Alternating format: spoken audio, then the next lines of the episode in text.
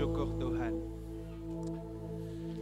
untuk penyertaan Tuhan, untuk tuntunan tangan Tuhan. Tanpa terasa melalui berbagai musim. Ada yang di padang rumput hijau, ada yang di lembah kekelaman. Tapi kami tahu satu hal, Tuhan tidak pernah meninggalkan kami. Terima kasih Bapak. Kami berdoa Tuhan, supaya ada pesan Tuhan khusus di anniversary yang kedua ini supaya kami boleh terus berjalan dalam jalan-jalannya Tuhan. Mari biar isi hati Tuhan yang ditumpahkan di tengah-tengah kami. Biar apa yang menjadi mimpinya Tuhan yang boleh kami hidupi, bukan mimpi kami sendiri. Biar tujuan-tujuan Tuhan boleh terjadi atas komunitas ini, atas keluarga kecil ini. Terima kasih Bapak, buka hati kami. Kami datang dengan segala kerendahan hati. Kami datang dengan rasa lapar dan haus di hadapan Tuhan. Terima kasih. Dalam nama Tuhan Yesus kami berdoa. Kami mengucap syukur. Amin.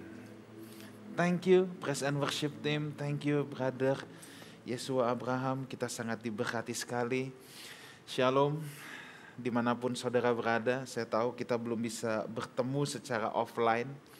Tetapi saya percaya sekalipun online, hadirat Tuhan tetap ada di tengah-tengah kita semua. Sebab Tuhan maha hadir, Tuhan tidak dapat dibatasi dengan apa pun. ya. Nanti soon setelah kondisi terus membaik, kita pasti akan mulai offline lagi. Saudara kita bersyukur dua tahun Tuhan bersama-sama dengan kita semua mendampingi kalau kita flashback lagi ke belakang. Kita pertama kali ibadah saya ingat itu tanggal 1 Maret 2020 ya. Di mana itu awal-awal pandemi. Kita ibadah tiga kali, tanggal 1, tanggal 8, tanggal 15. Then we have to lockdown. Kita harus lockdown untuk jangka waktu yang sangat-sangat panjang. Reopen, lockdown lagi sempat ya. Sorry kita reopen lagi and now kita harus back to online lagi. Tapi saya percaya itu tidak tidak menyurutkan semangat kita untuk terus beribadah kepada Tuhan. Oke. Dalam kesempatan hari ini ya, saya mau membagikan satu kebenaran firman Tuhan yang Tuhan taruh di hati saya untuk saya ajarkan kepada jemaat Tuhan yang Tuhan tanam di tempat ini. Saya mau membagikan tentang hidup dalam berkat Tuhan saya mau bicara tentang berkat Tuhan. Ada dua ekstrim selalu saudara ya. Ekstrim yang pertama dalam tanda petik mengharamkan kalau bicara berkat. Katanya itu untuk orang Kristen yang anak-anak. Itu punyanya kelompok teologia kemakmuran. Ya. Sehingga pokoknya kalau dengar kata berkat itu udah kayak alergi duluan, bersin-bersin langsung. Tapi ada satu kelompok lagi yang ngomongnya berkat terus. Ngomongnya berkat terus. Sampai tanpa sadar berkat dijadikan tujuan dalam ibadahnya kepada Tuhan. Berkat dijadikan tujuan dalam hubungannya dengan Tuhan. Nah saya mau kita punya pemahaman yang balance. Saya mau kita punya pemahaman yang lengkap. Sehingga kita tidak anti sama berkat. Nanti saya berikan prinsipnya kenapa kita jangan anti sama berkat dan tetapi di saat yang sama kita tidak boleh menjadikan berkat sebagai tujuan. Nah, orang Kristen saya percaya harus hidup dalam berkat. Berkat dalam bahasa Ibrani dulu ya, itu berakah. Berakah itu sebenarnya punya pengertian the power of life, kuasa yang menghidupkan itu adalah pengertian berkat yang paling utama. Memang dari kata berakah kalau kita lihat di kamus nanti kita juga bisa temukan kata kelimpahan, kata prosperity, tetapi basically berakah sendiri. Pengertian yang paling utamanya adalah the power of life, kuasa yang menghidupkan. Makanya akar katanya itu dari barak yang artinya yang menghidupkan. Sebab memang berakah itu bicara tentang sesuatu yang menghidupkan. Nah, saya mau bagikan empat prinsip penting yang sangat sederhana, yang saudara bisa catat, saudara bisa renungkan lagi nanti. Yang pertama saya harus katakan ini, berkat adalah inisiatif Tuhan. Saya mau tunjukkan pada saudara kenapa kita nggak perlu ngejar berkat.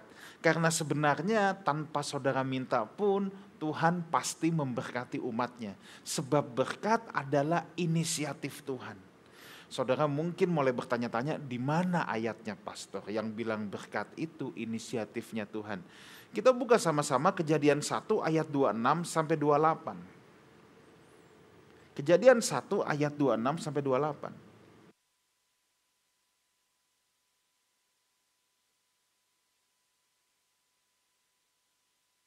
Kah itu dalam konteks Alkitab itu memang biasanya tindakan dari yang tertinggi ke tindakan dari yang tertinggi kedudukannya kepada yang rendah kedudukannya. Dalam hal ini Tuhan kepada manusia. Ya. Berkat Tuhan ini prinsip yang pertama. Berkat Tuhan adalah inisiatif Tuhan dan modal utama sebelum kita menjadi pelaksana kehendaknya di muka bumi ini.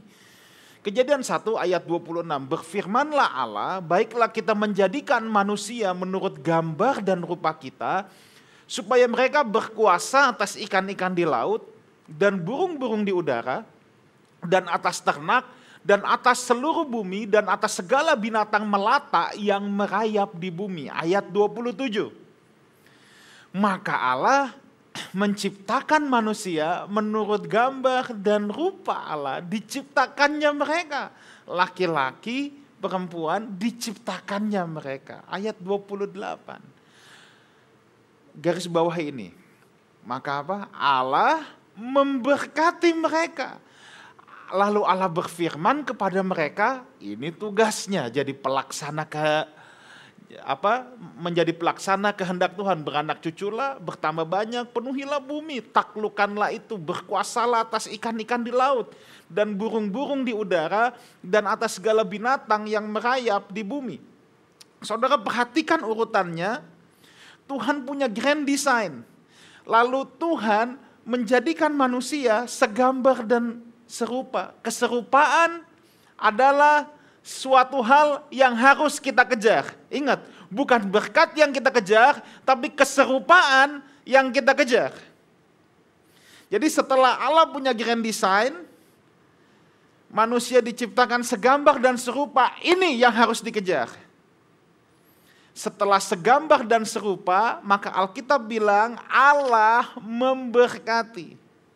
Baru manusia dikasih tugas tanpa berkat Tuhan, manusia tidak mungkin bisa menjadi pelaksana kehendaknya. Berkat Tuhan itu seperti otoritas yang Tuhan berikan untuk manusia. That's why kita tidak mungkin bisa jadi pelaksana kehendak Tuhan tanpa otoritas yang Tuhan berikan. Berkat itu inisiatif Tuhan.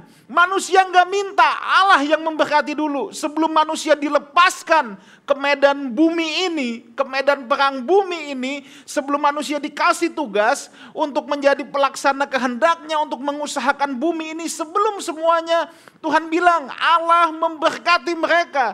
Karena memang berkat adalah inisiatif Tuhan. Nah persoalannya banyak orang tidak mengejar keserupaan, yang dikejar adalah berkatnya. Kalau orang terlanjur punya otoritas dalam hal ini, tapi tidak mengejar keserupaan, tidak berjalan, tidak bertumbuh dalam keserupaan, maka ingat urutan yang paling pertama, Allah menciptakan menurut gambar dan rupa. Baru Allah memberkati, baru menjadi pelaksana. Urutan ini nggak boleh dibalik-balik. Kalau orang cuma mau berkatnya doang, tanpa berjalan dalam keserupaan, yang terjadi pasti ini abusive power, pasti. Berkat itu memang punya power, berkat itu memang the power of life. Kuasa yang menghidupkan, tapi berkat tanpa keserupaan ini menjadi hal yang sangat bahaya. That's why kalau orang terlanjur punya otoritas tapi tidak berjalan dalam keserupaan, penyimpangan pasti terjadi, abusive pasti terjadi, kesemena-menaan pasti terjadi. Saya bisa berikan contoh Contoh yang paling pertama dulu deh. Nggak ke mana-mana dulu, ke saya dulu. Sebagai pemberita firman, Tuhan memberikan otoritas untuk memberitakan firman. Tapi kalau saya tidak berjalan dalam keserupaan, pemberitaan firman pun bisa digunakan untuk memanipulasi manusia, untuk memanipulasi jemaat Tuhan. Ya kan? Oh ya. Tuhan kasih otoritas saudara dalam keuangan. Tanpa keserupaan, maka otoritas itu akan disalahgunakan menjadi alat untuk mendominasi orang lain. Apalagi Tuhan kasih otoritas dalam bermusik misalnya tanpa berjalan dalam keserupaan itu bisa disalahgunakan buat tebar pesona gayat kiri gayat kanan. Apa pun itu, apa pun itu. Kalau terlanjur mendapatkan otoritas, terlanjur memperoleh berkat tadi, tapi tidak berjalan dalam keserupaan, ini hal yang paling berbahaya. Ada orang yang diberikan berkat otoritasnya dalam hal kepandaian. Kalau dia nggak berjalan dalam keserupaan, kepandaian itu akan membuat meliciki orang lain. Itu akan dibuat untuk membodohi orang lain. So ini prinsip pertama yang saudara harus pegang dulu bahwa berkat itu inisiatif Tuhan. Kita nggak usah anti berkat ya. Saudara nggak cari pun, ketika kita menjadi utusan Tuhan, Tuhan pasti memberkati kita. Ada power of life, ada kuasa yang menghidupkan. Tentunya saya tidak menyangkutkan berkat melulu dengan uang. Kalau saudara menyangkutkannya selalu dengan materi, that's your mind problem then. Itu masalah dalam pemikiran saudara. Sesuatu yang menghidupkan, Tuhan bisa berikan otoritas kepada setiap orang berbeda-beda. Tapi intinya satu, otoritas tanpa keserupaan pasti abusive. Itu sudah pasti. Ya. Prinsip yang kedua, cepat saja. Hidup dalam berkat adalah panggilan hidup kita. Kalau tadi saya katakan berkat itu inisiatif Tuhan. Kalau orang percaya kejar-kejarnya berkat, kasihan. Dia nggak ngerti bahwa bahwa berkat itu adalah inisiatifnya Tuhan, bukan idenya manusia. Dan yang kedua, hidup dalam berkat adalah panggilan hidup kita. Nah mungkin saudara pikir ini Pastor Wigan makin ekstrim kok hidup dalam berkat malah dibilang panggilan hidup. Ya ada ayatnya, 1 Petrus 3 ayat yang ke-9.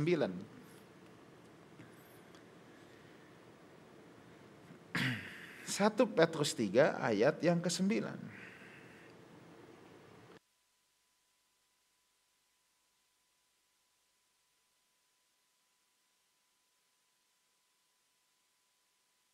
Dan janganlah membalas kejahatan dengan kejahatan atau caci maki dengan caci maki, tetapi sebaliknya, hendaklah kamu memberkati. Karena untuk itulah apa? Kamu dipanggil, yaitu apa? Memperoleh berkat. Yes. Hidup dalam berkat adalah panggilan hidup orang percaya. Kenapa Tuhan harus memberkati kita? Kenapa Tuhan um, memanggil kita untuk memberkati kita. Dengar baik ini. Dunia tidak bisa lihat Tuhan, tapi dunia bisa lihat kita. Makanya ayat ini jelas. Hendaklah kamu memberkati, sebab untuk itulah kamu dipanggil, yaitu untuk memperoleh berkat. Tuhan memberkati kita untuk kita memberkati orang lain. That simple.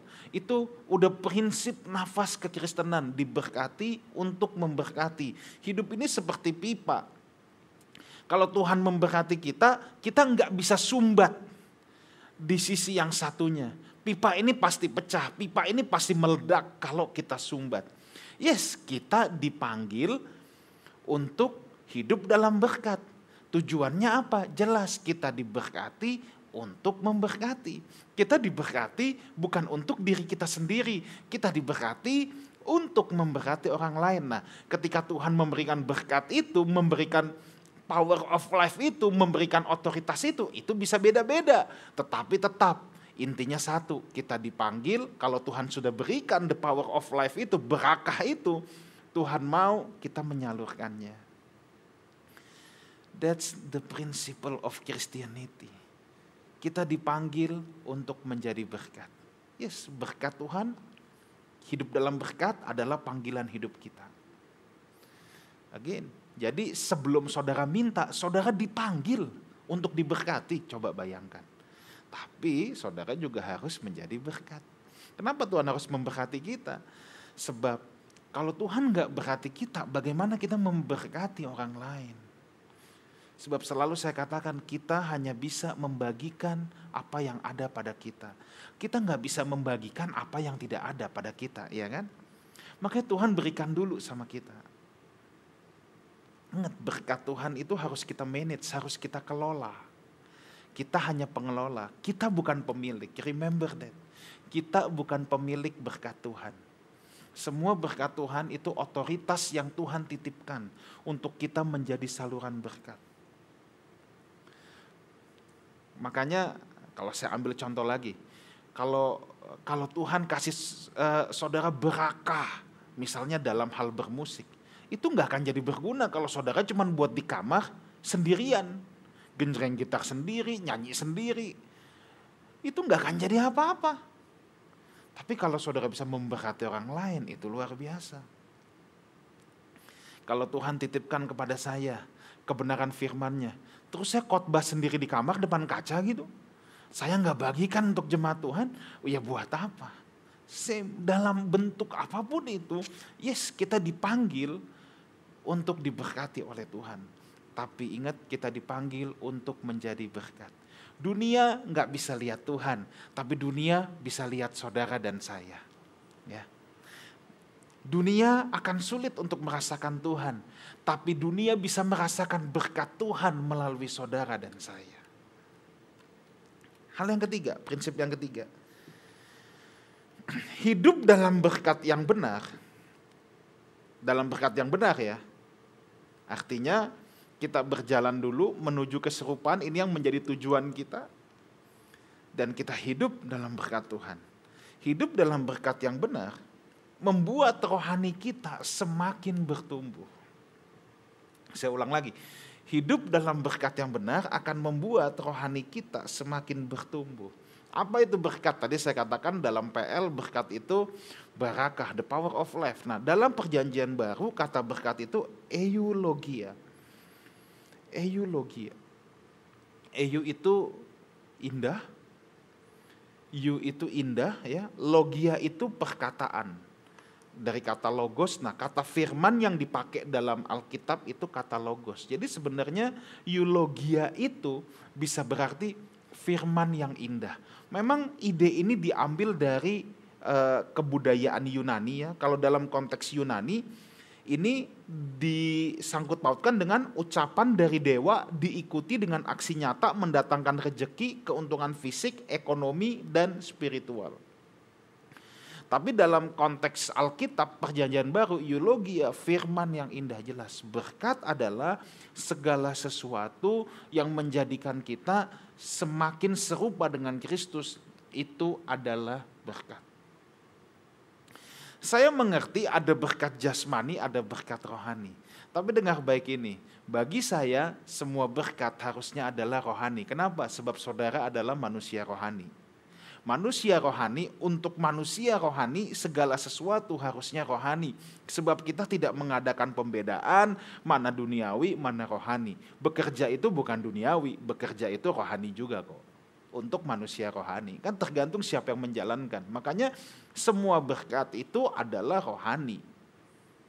Nah kalau manusia rohani yang menjalankannya semua berkat adalah rohani, itu pasti akan membuat dia semakin bertumbuh dalam Kristus. Kenapa? Dua hal alasannya. Yang pertama, dia semakin serupa dengan Kristus. Yang kedua, pasti berdaya guna untuk pembangunan tubuh Kristus. Pasti berfaedah untuk membangun tubuh Kristus dalam pelayanan. Berkat apa pun yang Tuhan titipkan pada saudara, kalau kita menghidupinya sebagai manusia rohani, yang akan terjadi pasti dua hal ini yang akan terjadi adalah rohani kita semakin bertumbuh. Kenapa? Satu, kita semakin serupa dengan Kristus. Dua, pekerjaan Tuhan pasti terbangun lewat berkat yang Tuhan percayakan kepada kita. Ya. Nah, bagi manusia rohani, apa pun itu rohani, sampai kesulitan hidup pun juga bisa menjadi rohani loh. Jangankan, jangankan uh, kelonggaran hidup, kesulitan hidup pun bisa jadi rohani untuk manusia rohani. Tapi untuk manusia duniawi, kesulitan hidup itu sudah pasti dilihat sebagai kutuk. Tapi kelonggaran hidup pun itu bisa jadi kutuk juga untuk dia. Oh ya, ya. Seperti tadi contoh yang saya ungkapkan. Tuhan mempercayakan kepada saya untuk memberitakan firman, eulogia. Tapi kalau saya menjadi manusia duniawi, saya manfaatkan itu untuk memanipulasi jemaat Tuhan. Apakah itu jadi rohani? Tidak.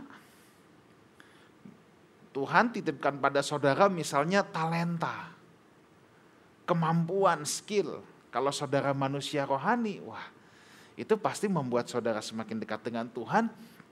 Skill, talenta saudara bisa membangun pelayanan. Tapi kalau manusia duniawi, ya tidak. Tidak bertambah rohani, skill talentanya pun tidak akan bisa membangun pelayanan. Tuhan titipkan saudara dalam bentuk materi, It's same thing, semuanya sama. Kalau manusia rohani yang menjalankan, uang, harta itu tidak akan bikin kita makin jauh dari Tuhan. Justru itu membuat kita semakin bertumbuh dalam rohani. Dan itu pasti akan berdaya guna untuk pembangunan pekerjaan Tuhan juga. Itu sudah pasti. Nah coba kita lihat satu ayat Roma 15 ayat 29.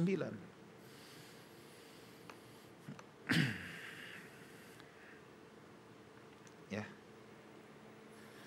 Ini Paulus kepada jemaat di Roma. Ketika Paulus menuliskan surat kepada jemaat di Roma, Paulus belum pernah ke kota Roma, saudara. Jadi Paulus belum pernah ke kota Roma. Tapi Paulus bilang gini, dan aku tahu bahwa jika aku datang mengunjungi kamu, aku akan melakukannya dengan penuh berkat Kristus. See? Berkat itu segala sesuatu yang berdaya guna membangun pekerjaan pelayanan. Berkat tidak harus selalu kita ukur dengan materi. Tapi berkat pasti bisa berdaya guna membangun pekerjaan Tuhan. Paulus bukan orang yang banyak uang, tapi Paulus bilang kalau aku datang ke Roma, aku pasti datang penuh dengan berkat Kristus. Itu Paulus bukan datang sebagai sinterklas yang siap bagi-bagi uang untuk jemaat di kota Roma. Bukan itu. Bukan itu. Tapi berkat adalah segala sesuatu yang berdaya guna untuk membangun pekerjaan Tuhan. So, hidup dalam berkat yang benar pasti membuat rohani kita semakin bertumbuh. Ya. Jadi berkat dalam bentuk apa pun bisa menjadi rohani, bisa menjadi kutuk. Menjadi rohani kalau berkat itu diperoleh secara benar, dan menjadi berkat bagi banyak orang sesuai panggilan kita masing-masing.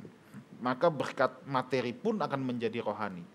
Tapi sekalipun berkat materi itu bisa itu bisa menjadi kutuk.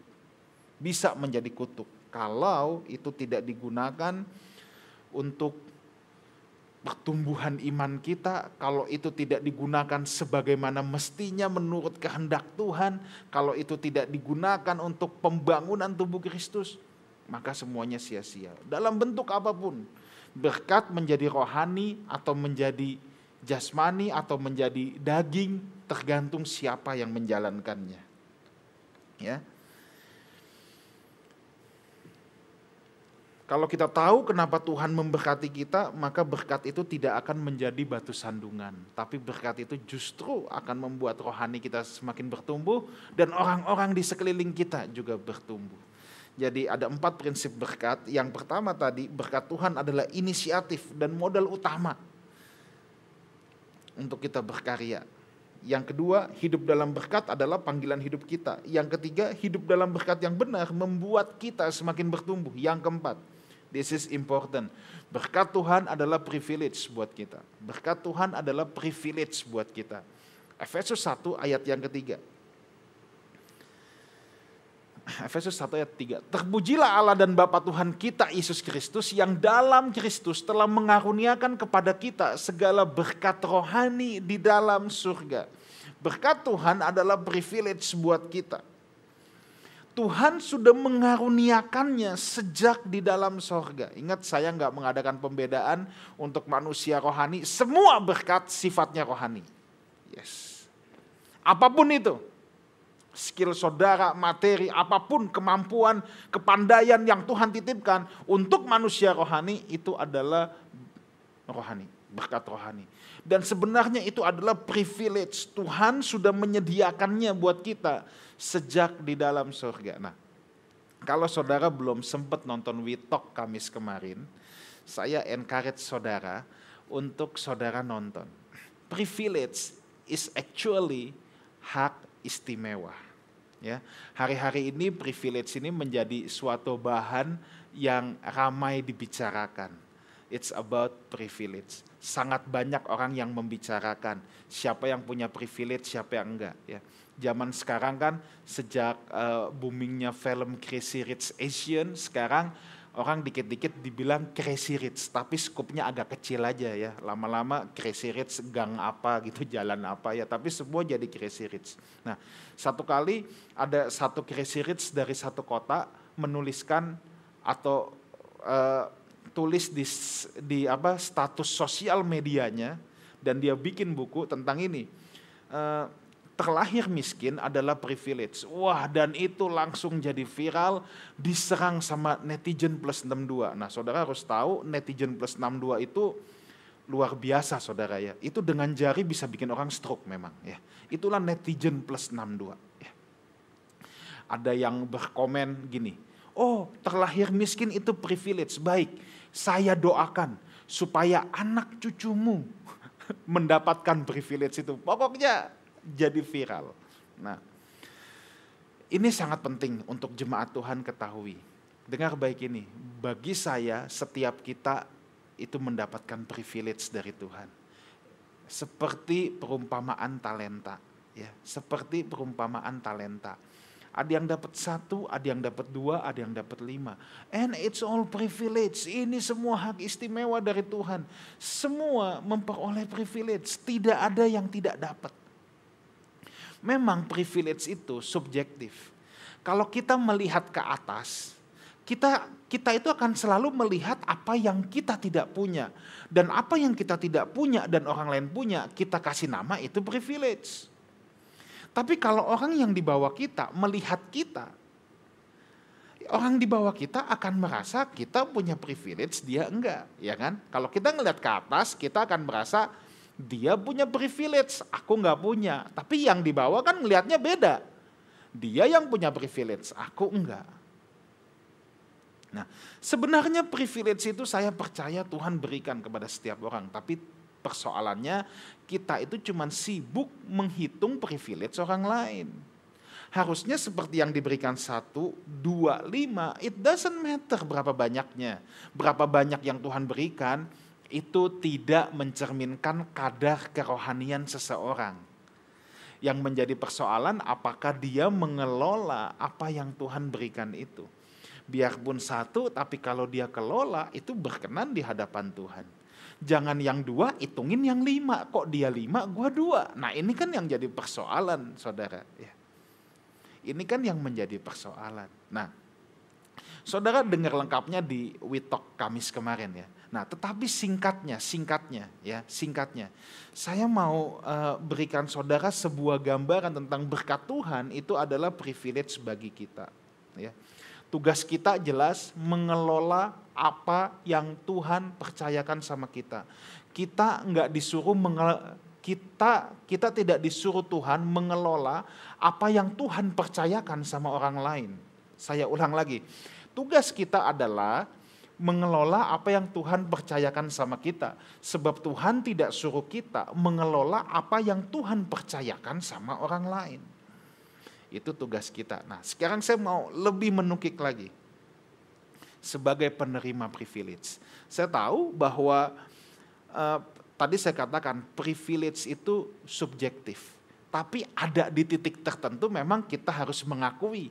Ada orang yang secara kasat mata, secara orang umum akan berkata dia menerima privilege. Misalnya, dia bisa sekolah di luar negeri, papanya mewariskan usaha, kapan pun setiap tahun sudah otomatis bisa diajak jalan-jalan sama orang tuanya dan lain sebagainya. Itu maka pandangan umum akan berkata anak ini menerima privilege. Ya kan? Nah, Kalau saudara adalah penerima privilege, apa yang harus saudara lakukan? Dengar baik ini. Akui itu sebagai berkat Tuhan dalam hidup saudara.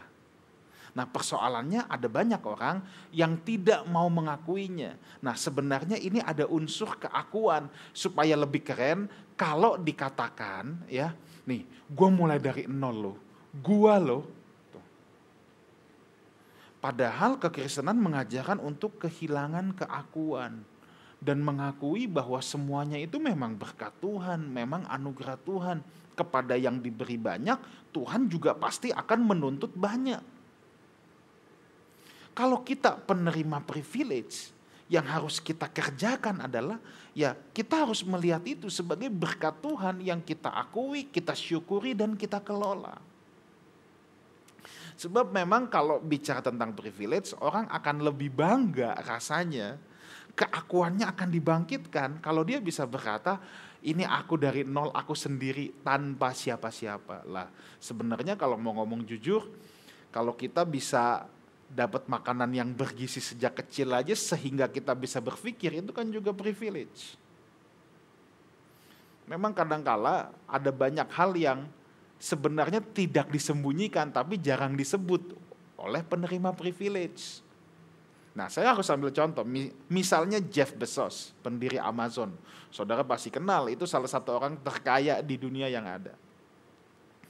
Orang selalu berkata bahwa dia start dari garasi sampai sekarang jadi Amazon yang begitu besar.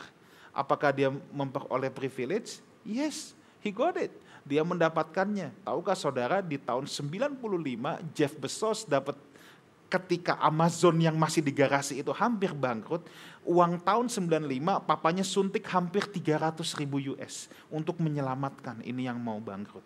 Apakah itu bukan privilege? Itu privilege. kalau ayahnya tidak bisa membel out itu, mungkin ceritanya beda. Tapi sih persoalannya bukan punya privilege atau enggak. Persoalannya Jeff Bezos sebagai penerima privilege, dia bisa mengelola privilege itu. Sampai jadi seperti sekarang ini. Kalau dia tidak bisa mengelola itu, ya itu akan jadi abu, tidak akan jadi apa-apa. Bill Gates, apakah dia menerima privilege? Yes, he got it. Ya betul, dia di drop out. Tapi di drop outnya dari mana? Bukan dari university kacangan, dari Harvard. Dia di drop outnya dari Harvard, bukan orang sembarangan yang bisa masuk Harvard. Di Harvard biarpun gak lulus, dia bisa punya banyak koneksi. Software pertama dia meledak itu masuk ke IBM. Gimana bisa masuk IBM? ibunya adalah orang yang sangat berpengaruh dan ibunya yang bikin itu masuk ke IBM. See? Tapi apakah itu salah? No. See that as a blessing from God. Lihatlah semua privilege yang saudara terima sebagai berkat Tuhan yang harus saudara syukuri dan saudara kelola. Enggak perlu ngitung apa yang Tuhan kasih kepada orang lain, apa yang Tuhan titipkan sama orang lain, tapi kelolalah apa yang Tuhan berikan kepada saudara. Nah, bagian yang terakhir yang tidak kalah pentingnya, sebagai pemberi privilege. Kita ini kan saluran berkat. Nah, khususnya untuk para orang tua ya, yang saya percaya punya anak yang nanti sudah mau dewasa semua, saudara ada di posisi pemberi privilege. Satu ayat terakhir. Satu ayat terakhir. Ulangan 6 ayat 20.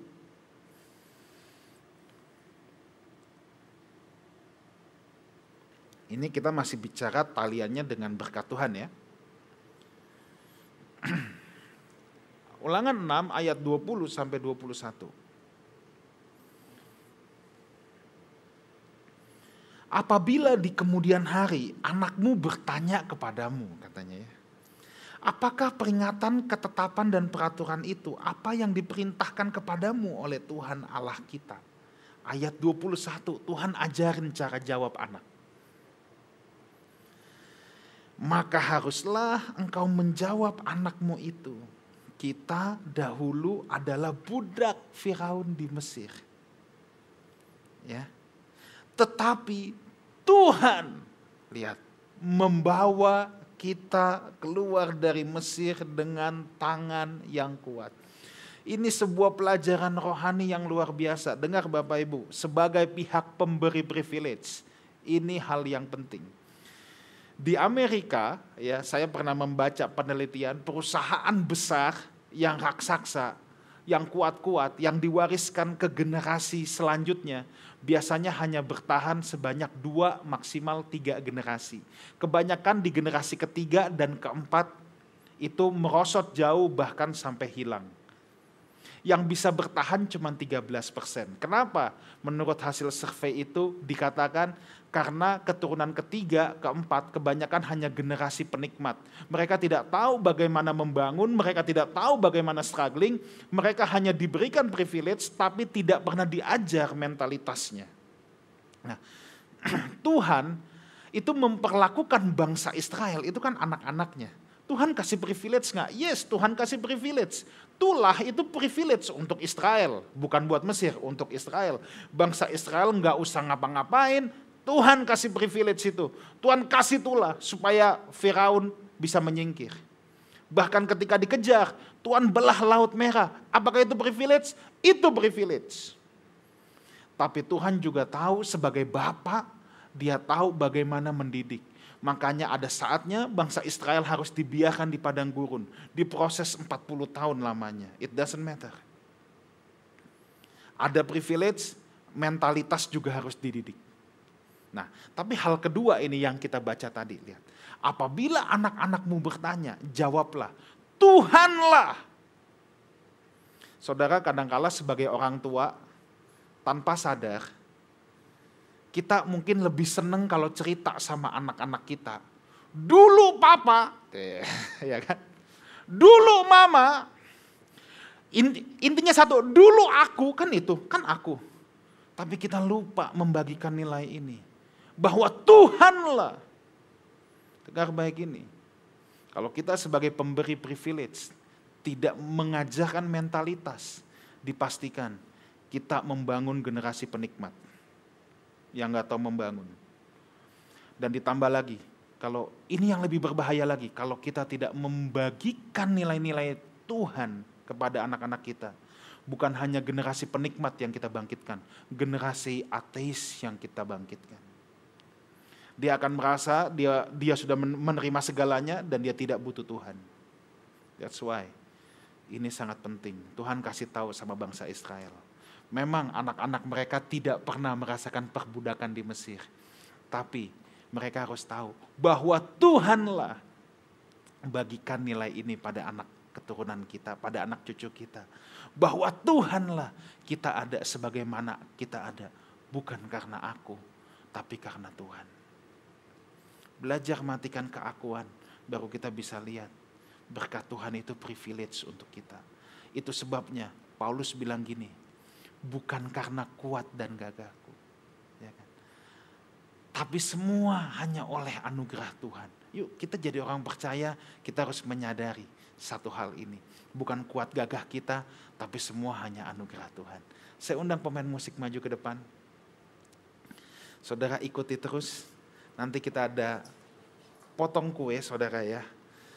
Acara sederhana saja. Saya ada mengundang hanya beberapa perwakilan ya hanya ada beberapa perwakilan.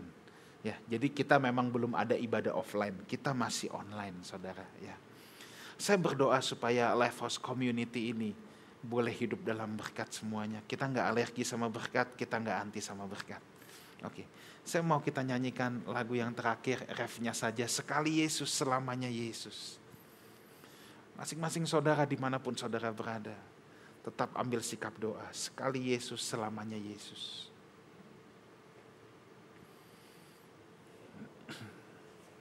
Thank you Lord.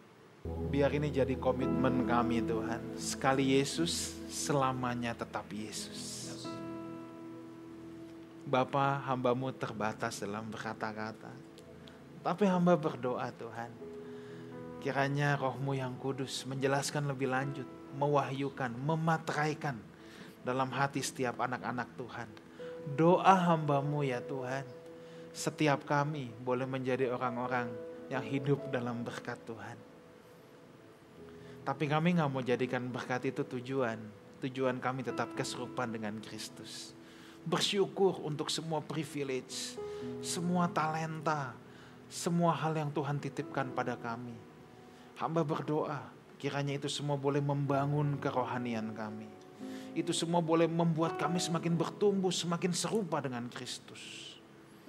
Dan hambamu juga berdoa, kiranya semua hal yang baik yang Tuhan titipkan pada kami itu boleh berdaya guna untuk membangun pekerjaan tubuh Kristus di muka bumi ini.